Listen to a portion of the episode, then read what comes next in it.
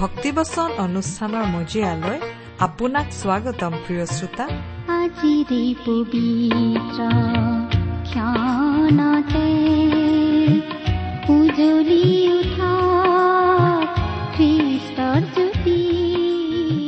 ভক্তিবচন অনুষ্ঠানৰ নিয়মীয়া শ্ৰোতাসকলৰ চিঠি পত্ৰ আৰু টেলিফোনিক বাৰ্তাসমূহে আমাক বৰ উৎসাহিত কৰিছে। ভক্তিবচন পৰিয়ালৰ তৰফৰ পৰা তেওঁলোকলৈ অশেষ ধন্যবাদ জনাইছো। প্ৰভু যীশুৰ বাণীসমূহে শ্ৰোতাসকললৈ আশীৰ্বাদ কঢ়িয়াই অনা বুলি জানিলে আমি কাম কৰি যাবলৈ অধিক বল পাওঁ। ঈশ্বৰে আপোনালোকক এইদৰে সদায় আশীৰ্বাদ কৰি থাকক। আপোনাৰ জীৱন আৰু পৰিয়ালত সদায় সুখ শান্তি আৰু প্ৰচুৰতা প্ৰভু যীশুৱে দান কৰক। শাৰীৰিক সকলো ৰোগ ব্যাধি পাৰিবাৰিক সমস্যা আৰু আত্মিক সকলো বন্ধনবোৰৰ সমাধান দিব পৰা প্ৰভু যীশুৰ বাণীসমূহে যেন আপোনাৰ জীৱনলৈ নতুনত্ব আৰু জীয়াই থকাৰ প্ৰকৃত অৰ্থ কঢ়িয়াই আনে এয়ে আমাৰ প্ৰাৰ্থনা।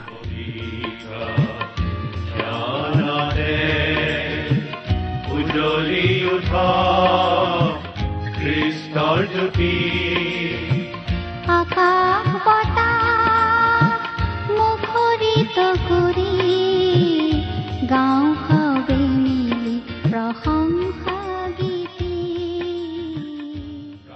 আমাৰ মহান ত্ৰাণকৰ্তা প্ৰভু যীশুখ্ৰীষ্টৰ নামত নমস্কাৰ প্ৰিয় শ্ৰোতা। আশা কৰো আপুনি আমাৰ মহান পিতা পৰমেশ্বৰৰ মহান অনুগ্ৰহত ভালে কুশলে আছে। লগতে এই বুলিও আশা কৰিছো যে আপুনি আমাৰ এই ভক্তিবচন অনুষ্ঠানটো নিয়মিতভাৱে শুনি আছে। আমাৰ বহুতো শ্ৰোতাই আমালৈ চিঠি লিখে। এই অনুষ্ঠান শুনি উপকৃত হোৱা বুলি বহুতো শ্ৰোতাই আমাক জনায়। তেনেকুৱা চিঠিবোৰে আমাক কাম কৰি যাবলৈ যথেষ্ট উৎসাহ যোগায়। আপুনি বাৰু কেতিয়াবা আমালৈ চিঠি লিখিছেনে? অনুগ্ৰহ কৰি আজি এই দুখাৰিমান লিখি পঠিয়াওকচোন। এই অনুষ্ঠানযোগে প্ৰচাৰ কৰা কোনো কথা অধিককৈ বুজিবলগীয়া থাকিলেও আমালৈ লিখিব পাৰে। আহকচোন আজিৰ বাইবেল অধ্যয়ন আৰম্ভ কৰাৰ আগতে খন্তেক প্ৰাৰ্থনাত মূৰ দুৱাওঁ হওক। আমি প্ৰাৰ্থনা কৰো। আমাৰ স্বৰ্গত থকা মৰমীয়াল পিতৃ ঈশ্বৰ তোমাক ধন্যবাদ জনাওঁ কাৰণ তোমাৰ মহান বাক্য বাইবেল শাস্ত্ৰ অধ্যয়ন কৰিবলৈ তুমি আমাক আকৌ এটা সুযোগ দান কৰিছা। তোমাক শতকোটিবাৰ ধন্যবাদ জনাওঁ কাৰণ তুমি তোমাৰ একেজাত পুত্ৰ যীশুখ্ৰীষ্টৰ জৰিয়তে আমালৈ অনন্ত জীৱনৰ আশীৰ্বাদ বিনামূল্যে আগবঢ়াইছা।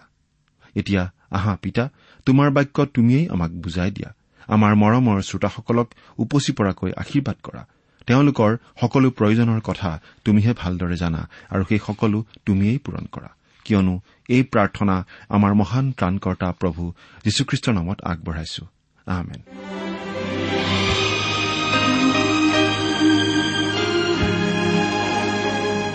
প্ৰিয় শ্ৰোতা আমি যোৱা অনুষ্ঠানত বাইবেলৰ এখন পুস্তকৰ অধ্যয়ন আৰম্ভ কৰিছিলো। আপোনাৰ মনত আছেনে বাৰু? আমি বাইবেলৰ নতুন নিয়ম খণ্ডৰ ফিলিপিয়াবিলাকৰ প্ৰতি পত্ৰ নামৰ পুস্তকখনৰ অধ্যয়ন আৰম্ভ কৰিছিলো। নহয় জানো?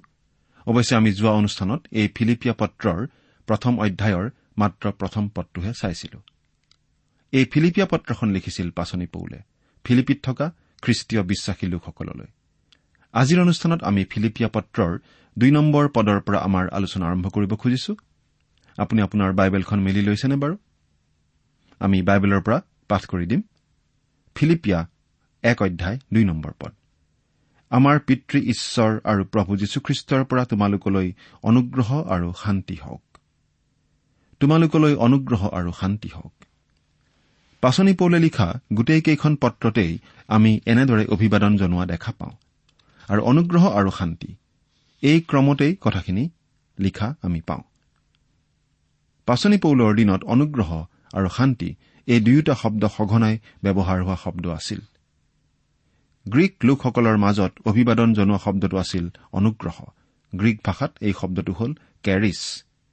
সেই কালত গ্ৰীক লোকসকলে ইজনে সিজনে ৰাস্তাত লগ পালে কেৰিছ অৰ্থাৎ অনুগ্ৰহ শব্দটো ব্যৱহাৰ কৰিছিল। আমি ৰাস্তাত লগ পালে কি খবৰ ভালনে বা নমস্কাৰ বা গুড মৰ্ণিং আদি বিভিন্ন ধৰণে অভিবাদন জনাওঁ। কিন্তু গ্ৰীক দেশৰ লোকসকলে এই কেৰিছ শব্দটো ব্যৱহাৰ কৰিছিল। আচলতে গ্ৰীক লোকসকলৰ মাজত আজিও এই শব্দটো ব্যৱহাৰ হয়। ইয়াৰ অৰ্থ হৈছে অনুগ্ৰহ। আমি আনক যেতিয়া অনুগ্ৰহ বুলি ক'ম তেতিয়া আচলতে আমি বুজাম ঈশ্বৰে আপোনাক অনুগ্ৰহ কৰক। অৰ্থাৎ আপোনাক ঈশ্বৰে মংগল কৰক। আপুনি চিৰদিন অনন্তকাল ভালে কুশলে থাকক। কাৰণ ঈশ্বৰৰ অনুগ্ৰহতহে আমি উদ্ধাৰ পাব পাৰোঁ। আমি নিজৰ চেষ্টাৰে কেতিয়াও পৰিত্ৰাণ লাভ কৰিব নোৱাৰো। কিন্তু ঈশ্বৰৰ অনুগ্ৰহত খ্ৰীষ্টত বিশ্বাস স্থাপন কৰাৰ দ্বাৰা আমি পৰিত্ৰাণ লাভ কৰিব পাৰোঁ। শান্তি শব্দটো সদায় অনুগ্ৰহ শব্দটোৰ পাছত আমি পাওঁ। শান্তি শব্দটো অনুগ্ৰহৰ আগত নাহে। অনুগ্ৰহ অৰ্থাৎ কেৰিছ হৈছে গ্ৰীক শব্দ কিন্তু শান্তি অৰ্থাৎ শালম হৈছে ইব্ৰী শব্দ। ই ধৰ্মীয় ভাৱ থকা শব্দ। আচলতে জিৰচালেম শব্দটোৰ অৰ্থ হৈছে চিটি অব পিচ অৰ্থাৎ শান্তিৰ নগৰ।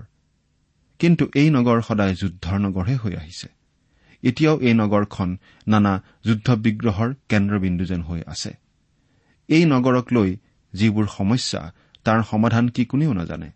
যেতিয়ালৈকে শান্তিৰাজ যীশুখ্ৰীষ্ট আহি শাসন নকৰে তেতিয়ালৈকে এই নগৰত আৰু গোটেই পৃথিৱীত শান্তি স্থাপন হ'ব নোৱাৰে। অৱশ্যে বৰ্তমান অৱস্থাটো খ্ৰীষ্টীয় বিশ্বাসীসকলে ঈশ্বৰৰ অনুগ্ৰহত এক বিশেষ ধৰণৰ শান্তি লাভ কৰিব পাৰে। এইকাৰণে আমি বিশ্বাসৰ দ্বাৰাই ধাৰ্মিক বুলি গণিত হোৱাত আমাৰ প্ৰভু যীশুখ্ৰীষ্টৰ দ্বাৰাই ঈশ্বৰে সৈতে আমাৰ শান্তি আছে। ৰুমিয়া পাঁচ নম্বৰ অধ্যায়ৰ এক নম্বৰ পদ। পৰিত্ৰাণ লাভ কৰা প্ৰতিজন খ্ৰীষ্টীয় বিশ্বাসীয়েই এই শান্তি লাভ কৰিব পাৰে আৰু এই শান্তি মানে হৈছে ঈশ্বৰে সৈতে মিত্ৰতা। পবিত্ৰ ঈশ্বৰে সৈতে পাপী লোকৰ এই শান্তি স্থাপন সম্ভৱপৰ হয় কাৰণ খ্ৰীষ্টই আমাৰ হকে মৃত্যুবৰণ কৰিলে। আমাৰ পাপৰ যি শাস্তি সেই শাস্তি বহন কৰিলে আৰু এতিয়া ঈশ্বৰে অনুগ্ৰহ কৰি আমাক উদ্ধাৰ কৰিব পাৰে। আচলতে আমাৰ পৰিত্ৰাণৰ কাৰণে আমি ঈশ্বৰৰ আগলৈ একো আনিব নোৱাৰো। সঁচা কথা কবলৈ গ'লে ঈশ্বৰক দিবলৈ আমাৰ একোৱেই নাই। তেওঁৰ আগলৈ এই অধমে মাত্ৰ এটা বস্তুৱেই আনিছো আৰু সেইটো হৈছে পাপ। মোৰ পাপখিনিকেই ঈশ্বৰৰ আগলৈ আনিছো। সেই পাপৰ বেচ যি মৃত্যু সেই মৃত্যু মোৰ হৈ প্ৰভু যীশুখ্ৰীষ্টই গ্ৰহণ কৰিলে। গতিকে পবিত্ৰ হোৱা স্বত্তেও ঈশ্বৰে মোৰ দৰে পাপী মানুহক ক্ষমা কৰিলে। আৰু গ্ৰহণ কৰিলে। প্ৰিয় শ্ৰোতা সেইবাবে ঈশ্বৰে আপোনাকো গ্ৰহণ কৰিব পাৰে। অস্থিৰ জগতত অশান্ত জগতত দুখ যন্ত্ৰণাৰে ভৰা জগতত অন্যায় অবিচাৰে ভৰা এই জগতত আমি আমাৰ হৃদয়ত ঈশ্বৰৰ শান্তি অনুভৱ কৰিব পাৰো। যীশুখ্ৰীষ্টক নিজৰ ব্যক্তিগত ত্ৰাণকৰ্তা বুলি গ্ৰহণ কৰা প্ৰতিজন ব্যক্তিকেই ঈশ্বৰে এনে শান্তি দিয়ে। আমি ঈশ্বৰৰ শান্তিৰ অভিজ্ঞতা লাভ কৰাৰ আগতে ঈশ্বৰৰ অনুগ্ৰহৰ সোৱাদ পাব লাগিব। আৰু এই অনুগ্ৰহ আৰু শান্তি আমি লাভ কৰো আমাৰ পিতৃ ঈশ্বৰ আৰু প্ৰভু যীশুখ্ৰীষ্টৰ পৰা। ইয়াতে আমি এটা তাত্বিক প্ৰশ্ন তুলিব খুজিছো। পাচনি পৌলে তৃত্ব ঈশ্বৰ বিশ্বাস নকৰে নেকি বাৰু? তেওঁ পবিত্ৰ আত্মা ঈশ্বৰৰ কথা ইয়াত কিয় উল্লেখ কৰা নাই? কেৱল পিতৃ ঈশ্বৰ আৰু পুত্ৰ প্ৰভু যীশুখ্ৰীষ্টৰ কথাহে কিয় তেওঁ উল্লেখ কৰিছে বাৰু? কাৰণ পবিত্ৰ আত্মা ইতিমধ্যেই ফিলিপিত আছিল। খ্ৰীষ্টীয় বিশ্বাসীসকলৰ হৃদয়ত নিবাস কৰিছিল। পাচনি পৌলে নিশ্চয় তৃত্ব ঈশ্বৰত বিশ্বাস কৰিছিল পিতৃ পুত্ৰ আৰু পবিত্ৰ আত্মা। পবিত্ৰ আত্মা ঈশ্বৰৰ কথা তেওঁ প্ৰয়োজনীয় ঠাইত উল্লেখ কৰি আহিছে। এতিয়া তিনি নম্বৰ পদটো পাঠ কৰি দিব খুজিছো। যিজনাই তোমালোকত সৎকৰ্মৰ আৰম্ভ কৰিলে তেওঁৱেই তাক যীশুখ্ৰীষ্টৰ আগমনৰ দিনলৈকে সিদ্ধ কৰি থাকিব বুলি দৃঢ় প্ৰত্যয় কৰি এইটো অতি গুৰুত্বপূৰ্ণ পদ অতি মনোমোহা পদ। এই বিশেষ পদটোৰ বিষয়ে ব্যাখ্যা আগবঢ়াই এজন বিখ্যাত বাইবেল শিক্ষকে এনেদৰে কৈছিল এইটো মোৰ জীৱনৰ মূল পদ আৰু মোৰ বাবে অতি অৰ্থপূৰ্ণ। যেতিয়া মই কলেজত পঢ়িবলৈ গৈছিলো তেতিয়া মই অতি দুখীয়া আছিলো। মই চৈধ্য বছৰীয়া থাকোতেই এটা দুৰ্ঘটনাত মোৰ পিতৃৰ মৃত্যু হৈছিল। মোৰ মায়ে মোৰ ভনী আৰু মোক লৈ আন এখন ঠাইলৈ গুচি গৈছিল। চৈধ্য বছৰীয়া ল'ৰা হিচাপে মই যাতে কাম কৰিব পাৰো সেইবাবে বিশেষ পাৰ্মিট ল'ব লগা হৈছিল আৰু মই এখন ডাঙৰ দোকানত চাকৰি কৰিছিলো। মই ৰাতিপুৱা পাঁচটা বজাতে উঠি চিঠি পত্ৰ আনিবলৈ যাব লাগিছিল। তাৰ পাছত চিঠি পত্ৰবোৰ বাচি অফিচৰ কৰ্মচাৰীসকলৰ টেবুলে টেবুলে চিঠিবোৰ ৰাখিব লাগিছিল। মই স্কুললৈ যোৱা উচিত আছিল আৰু স্কুললৈ যাবলৈ খুব ইচ্ছা কৰিছিলো। পাছত মই স্কুললৈ যোৱাৰ সুবিধা পাইছিলো কাৰণ মোৰ বয়সীয়া বন্ধু এজনে মোৰ পিতৃৰ নিচিনাকৈ দায়িত্ব লৈছিল। তেওঁৰ এজন পুত্ৰ সন্তান আছিল কিন্তু সন্তানজন অতিপাত মদপী আছিল। তেওঁ সন্তানজনক কলেজত পঢ়ুৱাব খুজিছিল কিন্তু সন্তানজনে পঢ়িব খোজা নাছিল। গতিকে মানুহজনে মোক এটা ভাল চাকৰি পোৱাত সহায় কৰি দিলে যাতে মই কলেজলৈ যাব পাৰো আৰু নিজৰ খৰচ নিজে উলিয়াব পাৰো।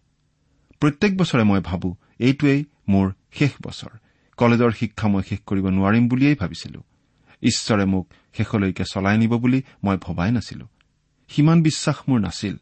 মই কলেজত শেষৰ বছৰটোত অতি বিপদত পৰিছিলো। সেই সময়ত দেশত প্ৰচণ্ড আৰ্থিক সংকট চলিছিল। সেয়া আছিল ঊনৈছশ আঠাইছ ঊনত্ৰিশ চনৰ কথা। অতি বেয়া সময় আছিল। মই কোনো কাম বিচাৰি পোৱা নাছিলো আৰু মোৰ কোনো টকা পইচা নাছিল। ডিগ্ৰী লাভ কৰাৰ দিনাখন মই ডিগ্ৰী গ্ৰহণ কৰাৰ পোছাকযোৰ পিন্ধিয়েই অতি হতাশ মনে মোৰ কোঠাত আহি বহি আছিলো। মোক তেনেকৈ বহি থকা দেখি মোৰ ৰুমমেটজন আহি মোক সুধিলে কি হল? কোনোবা মৰিল নেকি? মই কলো তেনেকুৱাই। মই কলেজৰ শিক্ষা শেষ কৰিলো। মই ভাবি আছিলো ঈশ্বৰে মোক পৰিচৰ্যালয় আমন্ত্ৰণ কৰিছে বুলি। কিন্তু এতিয়া মোৰ হাতত এটা ফুটা কৰিও নাই ছেমিনাৰীত পঢ়িবলৈ। কি কৰো ভাবিয়েই পোৱা নাই। আমি তেনেদৰে কথা পাতি থাকোতেই টেলিফোনটো হঠাৎ বাজি উঠিল। মোৰ ফোন সিফালৰ পৰা এগৰাকী ভদ্ৰ মহিলাই ফোন কৰিছিল আৰু মোক তেওঁৰ ওচৰলৈ মাতি পঠিয়ালে। মহিলাগৰাকী তেওঁৰ ভনীয়েকৰ সৈতে একেলগে থাকে। দুয়োগৰাকী বিধৱা আছিল। তেওঁলোক দুয়ো যি মণ্ডলীৰ উপাসনাত যোগ দিছিল সেই মণ্ডলীৰ ছানডে স্কুলৰ ইণ্টাৰমিডিয়েট ক্লাছত মই শিকাইছিলো। ক্লাছৰ ল'ৰা ছোৱালী মখাক একেলগে লৈ মই গীৰ্জাঘৰত সোমোৱাটো তেওঁলোকৰ নিশ্চয় চকুত পৰিছিল। কাৰণ মই ল'ৰা ছোৱালীবোৰক লৈ বহা বেঞ্চখনৰ ঠিক পিছতেই তেওঁলোক বহিছিল। সেইদিনা মই তেওঁলোকৰ ঘৰলৈ গলো আৰু তেওঁলোকে তেওঁলোকৰ মৃত স্বামীৰ স্মৃতিত মোলৈ এটা এনভেলপ দিলে। মই খুব দৌৰা দৌৰিকৈ তেওঁলোকৰ পৰা বিদায় লৈ অলপ দূৰ পায়েই এনভেলপ দুটা খুলি চালো।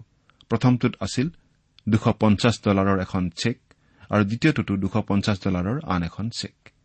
আৰু সেই সময়ত পাঁচশ ডলাৰ মানে আজিৰ কেইবালাখো টকা। মোৰ নিজকে কোটিপতি যেন লাগিছিল। সেই ৰাতিয়েই মোক বিদায় দিবলৈ ছানডে স্কুলৰ তৰফৰ পৰা এটা ভোজ ভাতৰ আয়োজন কৰা হৈছিল আৰু তাতো মোক এখন এশ ডলাৰৰ চেক উপহাৰ দিলে। মুঠতে মই ছশ ডলাৰ পালো আৰু তাৰেই মই পিছৰ বছৰ ছেমিনাৰীত পঢ়া খৰচখিনি উলিয়ালো। সেই ভোজ ভাতৰ সময়তে কোনো এজন সদাশয় ব্যক্তিয়ে মোৰ উদ্দেশ্যে এই শাস্ত্ৰপদটো পঢ়িলে। যিজনাই তোমালোকত সৎকৰ্মৰ আৰম্ভ কৰিলে তেওঁৱেই তাক যীশুখ্ৰীষ্টৰ আগমনৰ দিনলৈকে সিদ্ধ কৰি থাকিব।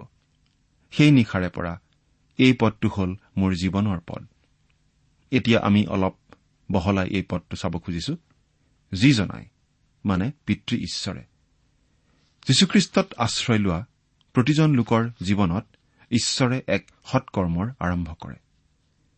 সেই সৎকৰ্ম তেওঁ আৰম্ভ কৰে আৰু সেই সৎকৰ্ম তেওঁ সম্পূৰ্ণ কৰিবই। অৰ্থাৎ ঈশ্বৰে সেই কাম আধৰুৱা কৰি নেৰে। এইটো অতি গুৰুত্বপূৰ্ণ কথা।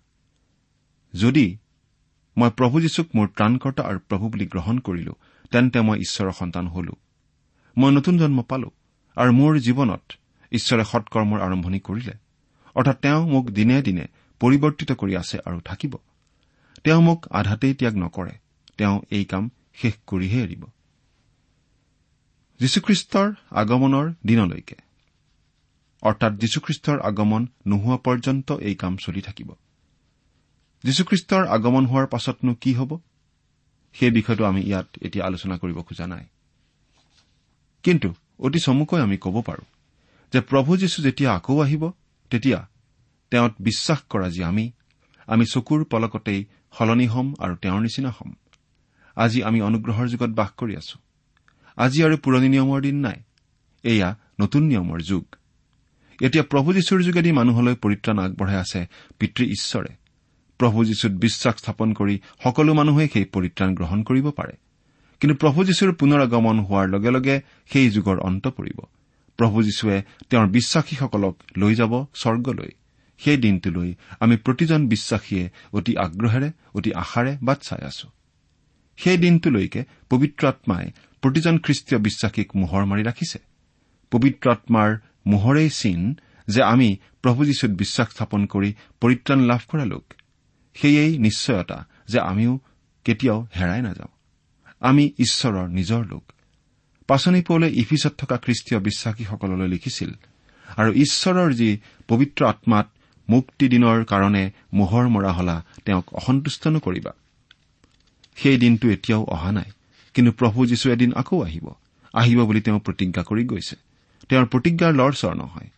সেই দিনটো নহালৈকে ঈশ্বৰে আমাৰ জীৱনত যি সৎকৰ্ম আৰম্ভ কৰিছে সেই সৎকৰ্ম চলাই থাকিব। তেওঁ আমাৰ যোগেদি যি কৰিব খুজিছে কৰিবই। কি সুন্দৰ কথা। প্ৰিয় শ্ৰোতা এইখিনিতে আমি অলপ চিন্তা কৰি চাব খুজিছো। এই কথাটো বাৰু আপুনি আপোনাৰ জীৱনত উপলব্ধি কৰিছেনে? আপুনি কি অৱস্থাত আছে আমি নাজানো। আপোনাৰ জীৱন কেনেকুৱা আমি নাজানো।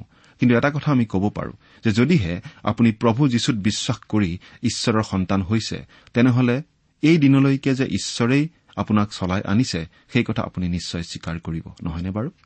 আপুনি বাৰু অতীতৰ দিনলৈ ঘূৰি চাই এই কথা ক'ব পাৰেনে? ঈশ্বৰে আপোনাক চলাই আনিছে আৰু সকলো প্ৰয়োজনীয় বস্তু যোগাই আহিছে বুলি? তেনেহলে অহাকালিক লৈ আমিনো কিয় মূৰ ঘমাব লাগে? তেওঁ আপোনাক বা মোক জানো কেতিয়াবা বিশ্বাসঘাতকতা কৰিব। তেওঁ জানো আপোনাক সহায় কৰি যোৱাৰ সমৰ্থ নহয়। কিন্তু আমি বাৰু প্ৰায়েই তেওঁৰ ওপৰত সম্পূৰ্ণ ভৰসা কৰিবলৈ পাহৰি নাযাওঁনে? আমি অনাহক চিন্তাত মূৰ নঘমাওনে? যদিহে আমি ঈশ্বৰত সম্পূৰ্ণ ভৰসা ৰাখিব নোৱাৰো তেন্তে আমি জীৱনটো ভালদৰে উপভোগ কৰিব নোৱাৰো কাৰণ ভৱিষ্যতক লৈ আমি চিন্তা কৰি থাকিব লগা হয়। অহাকালি কি হ'ব সেই চিন্তাই আমাক আমনি দি থাকিব। বহু সময়ত খ্ৰীষ্টীয় বিশ্বাসীসকলো অবিশ্বাসীৰ নিচিনাই হৈ নপৰেনে? আনকি বহু সময়ত ঈশ্বৰ বিশ্বাস নকৰা মানুহৰ নিচিনাই আমি হৈ নপৰোনে? সেই বিখ্যাত বাইবেল শিক্ষকজনক সহায় কৰোতা কোনো নাছিল টকা পইচা দিবলৈ কোনো নাছিল। কিন্তু তেওঁ ঈশ্বৰৰ পৰিচৰ্যা কৰিবলৈ মন কৰিছিল। তেওঁ হতাশ হৈ আছিল। কিন্তু তেওঁৰ স্বৰ্গত থকা পিতৃ ঈশ্বৰে ফিলিপিয়া এক অধ্যায় তিনি নম্বৰ পদটোৰ জৰিয়তে তেওঁৰ কান্ধত হাত দি মৰমেৰে কৈছিল মই তোমাক সহায় কৰিম। মই তোমাক সকলো যোগাই থাকিম। একো চিন্তা নকৰিবা। আৰু সেই প্ৰতিজ্ঞা ঈশ্বৰে ৰক্ষা কৰিছিল। জীৱনৰ শেষ মুহূৰ্তলৈকে ঈশ্বৰে সেই বাইবেল শিক্ষকজনক সহায় কৰিছিল। আনকি দুৰাৰোগ্য কেঞ্চাৰ ৰোগত ভোগা অৱস্থাতো তেওঁ ঈশ্বৰৰ সহায় অনুভৱ কৰিছিল আৰু হাতে হাতে প্ৰমাণো পাইছিল। যিজনাই তোমালোকত সৎকৰ্মৰ আৰম্ভ কৰিলে তেওঁই তাক যীশুখ্ৰীষ্টৰ আগমনৰ দিনলৈকে সিদ্ধ কৰি থাকিব বুলি দৃঢ় প্ৰত্যয় কৰি পাচনি পৌলে দৃঢ় বিশ্বাসেৰে এই বুলি ক'ব পাৰিছিল। আমিও ঈশ্বৰৰ বাক্যৰ ভৰসাতেই দৃঢ় বিশ্বাসেৰে ক'ব পাৰো যে ঈশ্বৰে আমাৰ প্ৰতিজন খ্ৰীষ্টীয় বিশ্বাসীৰ জীৱনতে সৎকৰ্মৰ আৰম্ভ কৰিছে আৰু সেই সৎকৰ্ম তেওঁ সিদ্ধ কৰি থাকিবই আধৰুৱা নকৰে। সেই কাম সিদ্ধ কৰাৰ দায়িত্বটো তেওঁৰ। বাইবেলত লিখিছে আমি অবিশ্বাসী হলেও তেওঁ বিশ্বাসী হৈয়ে থাকে। প্ৰিয় শ্ৰোতা ঈশ্বৰে আপোনাৰ জীৱনত সৎকৰ্মৰ আৰম্ভ কৰিছেনে? যদিহে আপুনি প্ৰভু যীশুক আপোনাৰ ত্ৰাণকৰ্তা বুলি বিশ্বাস কৰি তেওঁকেই আপোনাৰ প্ৰভু হিচাপে গ্ৰহণ কৰিছে তেনেহলে আপুনি ইতিমধ্যে ঈশ্বৰৰ সন্তান হৈছে আৰু ঈশ্বৰে আপোনাৰ জীৱনত সৎকৰ্ম আৰম্ভ কৰিছে। তেওঁ আপোনাৰ জীৱনৰ ভাৰ ল'বলৈ অনবৰতেই সাজু। এই কথাটো বাৰু আপুনি গুৰুত্ব সহকাৰে লৈছেনে? এতিয়া চাৰি নম্বৰ পদটো পঢ়ি দিব খুজিছো। প্ৰথম দিনৰে পৰা এতিয়ালৈকে শুভবাৰ্তাত তোমালোকৰ সহভাগিতা থকাৰ কাৰণে। প্ৰথম দিনৰে পৰা এতিয়ালৈকে শুভবাৰ্তাত তোমালোকৰ সহভাগিতা থকাৰ কাৰণে। ইয়াতে আমি খুব প্ৰয়োজনীয় শব্দ এটা পাইছো অতি গুৰুত্বপূৰ্ণ শব্দ। শব্দটো হৈছে সহভাগিতা। এই সহভাগিতা শব্দটো মণ্ডলীৰ বাহিৰে ভিতৰে সঘনাই ব্যৱহৃত হৈ থকা আমি দেখিবলৈ পাওঁ। কিন্তু এই শব্দটোৰ অৰ্থ ভালদৰে বুজি নাপালে আমি শব্দটো ভুলকৈও ব্যৱহাৰ কৰো বা ব্যৱহাৰ কৰিব পাৰোঁ। এই সহভাগিতা বা ইংৰাজীত ফেলোশ্বিপ শব্দটো। আচলতে বাইবেলত যি অৰ্থত ব্যৱহাৰ কৰা হৈছে আজিকালি বেলেগ বেলেগ অৰ্থটো মানুহে ব্যৱহাৰ কৰা আমি দেখিবলৈ পাওঁ। উদাহৰণস্বৰূপে এজন বাইবেল শিক্ষকে এনেদৰে কৈছিল বহু বছৰ আগতে মোক এখন ঠাইলৈ নিমন্ত্ৰণ কৰা হৈছিল বৰদিনৰ সময়ত বিশেষ বক্তা হিচাপে। আচলতে এটা ক্লাব আছিল আৰু সেই ক্লাবৰ সভাপতিজন খ্ৰীষ্টীয় বিশ্বাসী আছিল।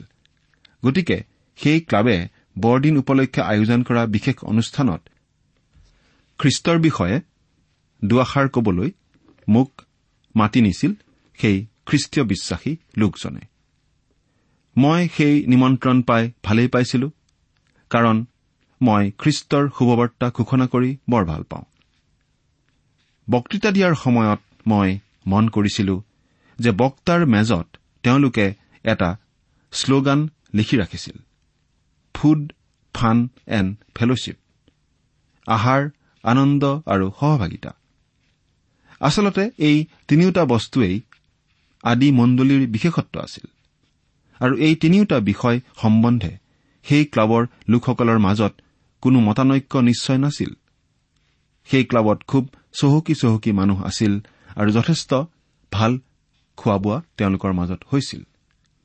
তেওঁলোকে নানা ধৰণৰ আমোদজনক অনুষ্ঠানৰ আয়োজন কৰি আনন্দও কৰিছিল। অৰ্থাৎ খোৱা বোৱা আৰু আনন্দ ফুড আৰু ফান দুয়োটাই আছিল। আৰু সহভাগিতা? সহভাগিতা মানে এজনে আনজনৰ পিঠিত থপৰিয়াই সোধা কি খবৰ? ভালনে? ভালে আছেনে? সেইটোৱেই তেওঁলোকে বুজাইছিল সহভাগিতা মানে। কিন্তু প্ৰিয় শ্ৰোতা সেইটো বাইবেলত বুজোৱা সহভাগিতা নহয়। বাইবেলত সহভাগিতা বুলি যিটো শব্দ ব্যৱহাৰ কৰা হৈছে তাৰ মূল গ্ৰীক শব্দটো হৈছে কৈননিয়া আৰু ইয়াৰ অৰ্থ এইয়ে যে খ্ৰীষ্ট বিষয়ক বিষয়বস্তু কিছুমান খ্ৰীষ্টীয় বিশ্বাসীসকলে নিজৰ মাজত ভগাই ল'ব পাৰে। এই ক্ষেত্ৰত তিনিটা বিশেষ কথা জড়িত হৈ থাকে। প্ৰথমটো হৈছে আম্মিক কথোপকথন। অৰ্থাৎ খ্ৰীষ্ট বিষয়ক কথা বতৰা। শুভবাৰ্তা বিষয়ক কথা বতৰা। ইজনে সিজনৰ সৈতে খ্ৰীষ্টীয় বিশ্বাস সম্বন্ধে কৰা আলোচনা বিলোচনা। দ্বিতীয়তে সহানুভূতিপূৰ্ণ সহযোগিতাও জড়িত হৈ থাকিব লাগিব প্ৰকৃত খ্ৰীষ্টীয় সহভাগিতাত। সহানুভূতিপূৰ্ণ সহযোগিতা। ইজনে সিজনৰ প্ৰতি পৰস্পৰে পৰস্পৰৰ প্ৰতি সহানুভূতিশীল হৈ একেলগে খ্ৰীষ্টৰ কাম কৰাটোও সহভাগিতা।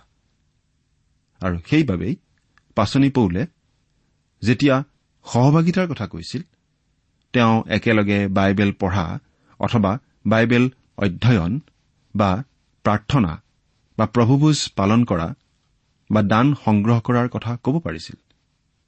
আৰু এই সকলোবোৰ কামকেই তেওঁ কৈননীয়া অৰ্থাৎ সহভাগিতা বুলি ক'ব পাৰিছিল। আৰু এই সহভাগিতাৰ ফল হ'ব মধুৰ সম্বন্ধ। এই সহভাগিতাই আমাক খ্ৰীষ্টৰ সহকৰ্মী কৰি তোলে। আৰু এয়েই হৈছে প্ৰকৃত কৈননীয়া এয়েই হৈছে প্ৰকৃত খ্ৰীষ্টীয় সহভাগিতা। পাচনি পৌলে কৈছে যে ফিলিপিয়া মণ্ডলীৰ লোকসকলে তেওঁৰ সৈতে সহভাগিতা ৰাখি আহিছে। তেওঁ তেওঁলোকৰ আগত খ্ৰীষ্টৰ শুভবাৰ্তা ঘোষণা কৰিছিল ঘোষণা কৰি আছে। তেওঁলোকে অতি সহানুভূতিশীলভাৱে পাচনি পৌলৰ সৈতে সহযোগ কৰিছে। সেই পৰিচৰ্যাৰ কামত। ফিলিপিয়া বিশ্বাসীসকলে পাচনি পৌললৈ এটা উপহাৰ পঠিয়াই দিছে আৰু তেওঁৰ জাগতিক প্ৰয়োজনসমূহ দূৰ কৰাৰ ক্ষেত্ৰত বাৰে বাৰে সেই ফিলিপিয়া বিশ্বাসী লোকসকলে পাচনি পৌলক সহায় কৰি আহিছে। আৰু যেতিয়া তেওঁলোক একেলগে আছিল তেতিয়া তেওঁলোকৰ মাজত এটা সুমধুৰ সম্বন্ধ আছিল মধুৰ সহভাগিতা আছিল। প্ৰথম দিনৰে পৰা এতিয়ালৈকে ফিলিপিয়া খ্ৰীষ্টীয় বিশ্বাসীসকলৰ লগত প্ৰথম দিনৰে পৰা পাচনি পৌলে মধুৰ সহভাগিতা উপভোগ কৰি আহিছে। প্ৰথম দিনৰে পৰা মানে তেওঁ সেই নৈৰ পাৰত লুডিয়া আৰু লুডিয়াৰ লগৰীয়াসকলক প্ৰাৰ্থনা কৰি থকা অৱস্থাত লগ পোৱাৰ দিনৰেই পৰা। প্ৰিয় শ্ৰোতা আমি ইয়াতে এটা কথা মন কৰা উচিত। এই সহভাগিতা হৈছে শুভবাৰ্তাত। অৰ্থাৎ প্ৰকৃত সহভাগিতা সম্ভৱপৰ হয় কেৱল খ্ৰীষ্টীয় বিশ্বাসী লোকসকলৰ মাজতহে। খ্ৰীষ্টীয় বিশ্বাসী লোক এজনে বিশ্বাস নকৰা লোক এজনৰ সৈতে খুব ভাল বন্ধু হ'ব পাৰে। কিন্তু কেতিয়াও প্ৰকৃত অৰ্থৰ সহভাগিতা তেওঁলোকৰ মাজত সম্ভৱপৰ হ'ব নোৱাৰে। আমি বাৰু আমাৰ খ্ৰীষ্টীয় ভাই ভনীসকলৰ লগত সহভাগিতা ৰাখিবলৈ আগ্ৰহ প্ৰকাশ কৰোনে? নে আমি আন আন বন্ধু বান্ধৱক লৈয়ে ব্যস্ত হৈ থাকো? আমাৰ মণ্ডলীত আমাৰ খ্ৰীষ্টীয় বিশ্বাসীসকলৰ মাজত প্ৰকৃত সহভাগিতা বাৰু আছেনে? যি সহভাগিতাৰ কথা আমি ইয়াত আলোচনা কৰিলো তেনেকুৱা সহভাগিতা আমাৰ মাজত আছেনে? আমাৰ মাজত পাৰস্পৰিক বুজা পৰা সহযোগ পৰস্পৰক সহায় কৰাৰ মনোভাৱ ইত্যাদিবোৰ আছেনে? প্ৰেম চিৰসহিষ্ণুতা আদি আমাৰ মাজত প্ৰকাশ পাই আছেনে?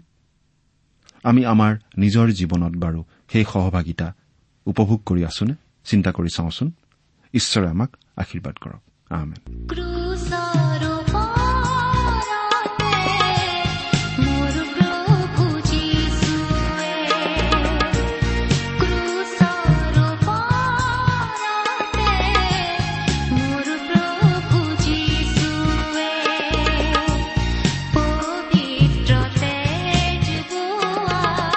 প্ৰিয় শ্ৰোতা ইমান পৰে আপুনি বাইবেল শাস্ত্ৰৰ পৰা ঈশ্বৰৰ বাক্য শুনিব এই বিষয়ে আপোনাৰ মতামত জানিবলৈ পালে আমি নথৈ আনন্দিত হ'ম। আমি প্ৰস্তুত কৰা বাইবেল অধ্যয়নৰ চিডিসমূহ পাব বিচাৰিলে আৰু অনুষ্ঠানত প্ৰচাৰ কৰা কোনো কথা বুজিব লগা থাকিলেও আমালৈ লিখক। আমাৰ যোগাযোগৰ ঠিকনা ভক্তিবচন ট্ৰান্সপল ৰেডিঅ' ইণ্ডিয়া ডাক বাকচ নম্বৰ সাত শূন্য গুৱাহাটী সাত আঠ এক শূন্য শূন্য এক। ঠিকনাটো আকৌ এবাৰ কৈছো ভক্তিবচন ট্ৰান্সৱৰ্ল্ড ৰেডিঅ' ইণ্ডিয়া ডাক বাকচ নম্বৰ সাত শূন্য গুৱাহাটী সাত আঠ এক শূন্য শূন্য এক। আমাৰ ইমেইল এড্ৰেছটো হৈছে Assamese T TV at the rate radio' eight eight two dot com. আমাৰ website W W W dot T W R dot in.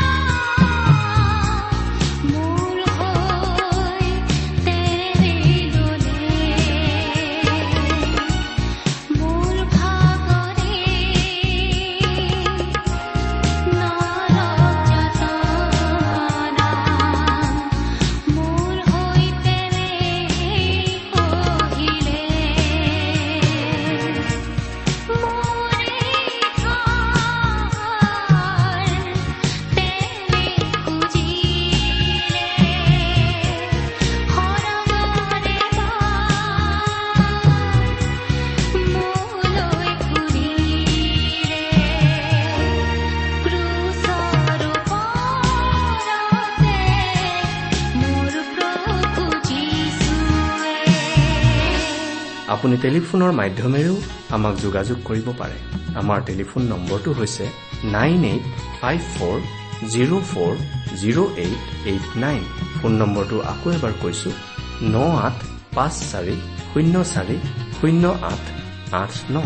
আপুনি এই ভক্তিবচন অনুষ্ঠানটি আমাৰ website W W W dot radio' eight eight two dot কমতো শুনিব পাৰিব।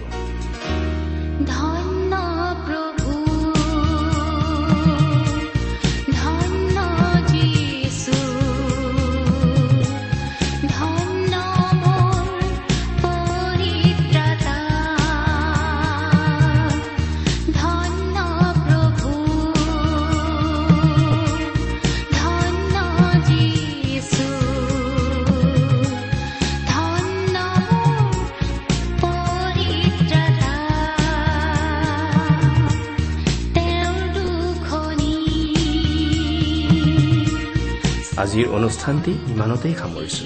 ঈশ্বৰৰ শান্তি আৰু অনুগ্ৰহ আপোনাৰ লগত